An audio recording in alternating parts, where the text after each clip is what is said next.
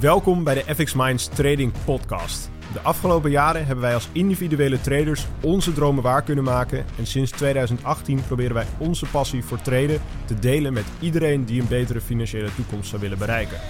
Tijdens deze podcast is het ons doel om jou zoveel mogelijk te inspireren, te motiveren en te ondersteunen in het behalen van jouw persoonlijke doelen met traden.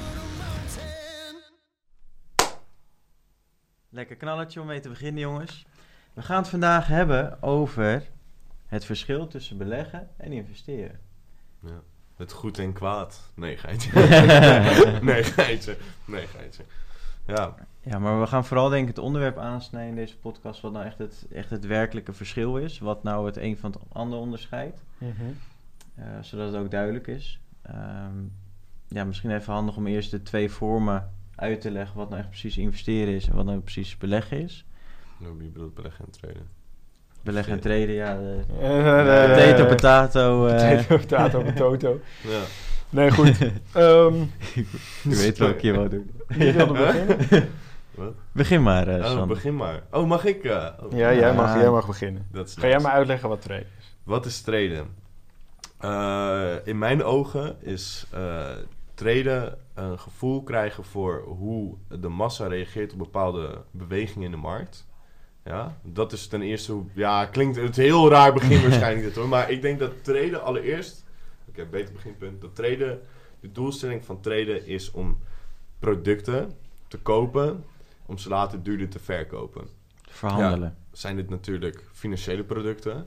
Dus dat scheelt dat je ze niet zelf hoeft op te slaan. Geen magazijn, geen logistiek en dat soort dingen. Nou, het kan wel, maar het Het, hoeft het- niet. je, je zou letterlijk een vat olie bij je thuis kunnen laten afleveren. Maar ik persoonlijk kies ervoor om dat niet te doen. Ja. Ehm, en ik denk dat een heel belangrijk deel daarvan is... is eh, blijf ik terugkomen op vraag en aanbod natuurlijk. Van, hey, ik koop iets wanneer het aanbod hoog is, zeg maar.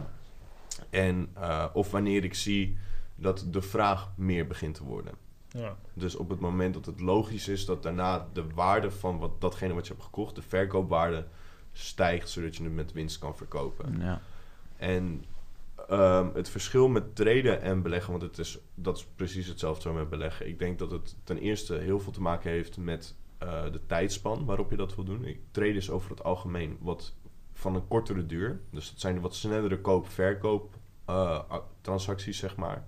Eh, laten we zeggen, als je echt een hele lange trend zit, bijvoorbeeld drie maanden. Met aandelen kan het goed zijn dat je ook als trader dingen drie maanden vasthoudt. Mhm.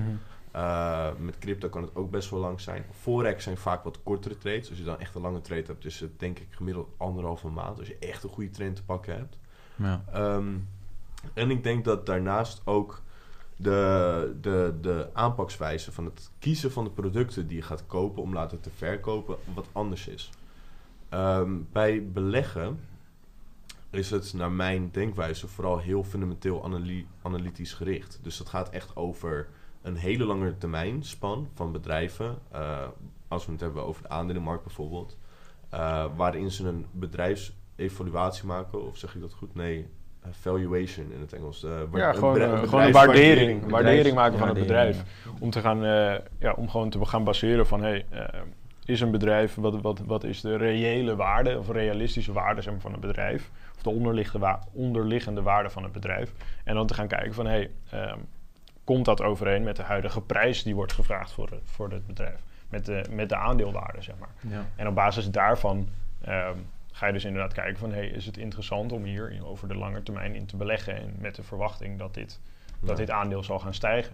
Ja, omdat dan mensen uiteindelijk de daadwerkelijke prijs zullen gaan betalen. Terwijl jij het nog met korting koopt. En met traden is het wat meer eh, technisch-analytisch dan met beleggen, denk ik. Kijk, met beleggen gaat het heel erg inderdaad wat je zegt over... oké, eh, ik vind een bedrijf, dat bedrijf is 100 euro waard in mijn ogen... maar ik kan hem kopen voor 50. Oké, dan koop ik hem met de logica dat iemand op een gegeven moment ook doorheeft... dat die 100 euro waard is en dat ik hem dan kan verkopen. En met traden gaat het wat meer over... hey, ik zie dat er op dit moment aan hoe de markt handelt, zeg maar... eh, op basis daarvan verwacht ik dat dit gaat gebeuren. Dus laten we het hebben over, eh, ik zeg maar wat, een aandeel. Eh, dingen zoals in de, de, de technologie-industrie. Windows, Apple, Microsoft, Dat zijn twee dezelfde dingen trouwens, Microsoft en Windows. Oké, maar, maar ja, Voor tech companies. Ja, Facebook, tech companies en zo. Kijk, die vertonen allemaal best wel hetzelfde gedrag. En op het moment dat er een dipje is geweest... Kijk, dat zijn bedrijven die over een hele lange periode hebben laten zien... dat ze haast alleen maar groeien. Ja, Ja. er is wel wat volatiliteit, Ja, wat op en neer. en dat soort dingen. Maar over het algemeen is het best een hele stabiele groeiende lijn. Dus heel prettig ook om eh, in te treden. En op het moment dat je dan ziet dat de markt wat naar beneden is gegaan... ehm, en je ziet dat er daarna weer wat eh, momentum begint te komen... dus je ziet die prijs weer omhoog gaan, zeg maar. Dat is, dat is tenminste hoe ik het doe. Dan is mijn verwachtingspatroon van... hé, hey, ehm, ik zie dat er momentum is... Eh, niet negatief bedoeld, maar heel veel mensen zijn, hebben een kudde dier mentaliteit. Heeft ook veel voordelen natuurlijk. Ehm, dus op het moment dat er mensen dat iets beginnen te kopen en die prijs omhoog te drijven, dan zien andere mensen dat ook. En die denken dan van oké, maar dan ga ik het ook kopen. Dus het is een soort van een kettingreactie, zeg maar. Ja. En mijn insteek met trading, of hoe ik trading dan zie, is zo vroeg mogelijk die kettingreactie proberen te herkennen. Of in ieder geval dat er potentie is op zo'n kettingreactie. Op een manier waarop je het zo vaak mo- mogelijk aan het juiste eind hebt. En dan dat te kopen. Maar dat is veel meer. eh, ik denk dat de eisen wat lager liggen dan met beleggen. Kijk, als je een belegger bent en je hebt het over Apple.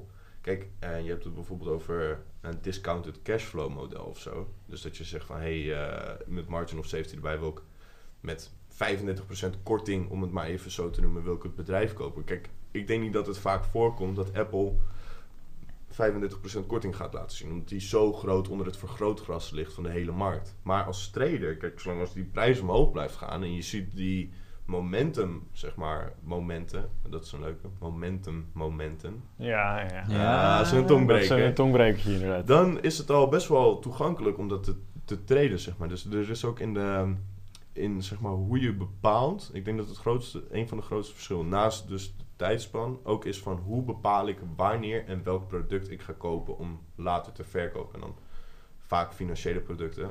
Maar je zou ook letterlijk een schoenentrader of een schoenenbelegger kunnen zijn. Als je het echt hebt over de Ja, dat je in, in sneaker, gewoon in sneaker, sneakers flippen, zeg maar. Ja. Of, eh, of dat, Ja. soort, dat soort dingetjes. Nee, en ik denk ook dat, dat als je inderdaad echt duidelijk wil gaan kijken naar het verschil tussen inderdaad traden en, en beleggen, dan is gewoon, over het algemeen is zo dat de meeste traders, die zijn echt van, ik koop een positie en op een, op een bepaald moment verkoop ik hem weer als ik winst heb. En bij beleggen is denk ik meer dat je gewoon, je, je kiest, je, analyseert zeg maar een aantal bedrijven, je kiest een aantal bedrijven waarin je wilt gaan beleggen. En dan is het gewoon een buy and hold. En gewoon constant blijven bijkopen. Totdat je inderdaad bijvoorbeeld. En daarmee zeg maar een soort portfolio opbouwen. En dat je op een gegeven moment. Mocht je ooit willen gaan verkopen, dat je echt pas verkoopt wanneer je bijvoorbeeld jouw financiële doelen behaald hebt. Ja. Dat je zeg maar tot, totdat jij echt denkt van hé, hey, ik, ik wil nu stoppen met beleggen. Wat kan. Ja, of je Wat- aandelen inwisselt voor andere aandelen. Ja, precies. precies. Maar en Maar- tussendoor hebben we natuurlijk ook dividenden natuurlijk op aan. Ja, precies. En, en zeg maar op, die, op die manier zeg maar gewoon investeren in bedrijven of in, of in, eh, of in eh, vastgoed kan natuurlijk ook. Eh, je kan ook beleggen in, in goud, in andere commodities, eh, in obligaties, ETF's, noem het allemaal maar op. En dat is gewoon meer zeg maar een dingetje van dat, dat, dat, dat koop ik en dat hou ik ja, voor sommige mensen zelfs voor eeuwig vast. In Amerika heb je ook hele pensioen eh, dingen eromheen. Hè?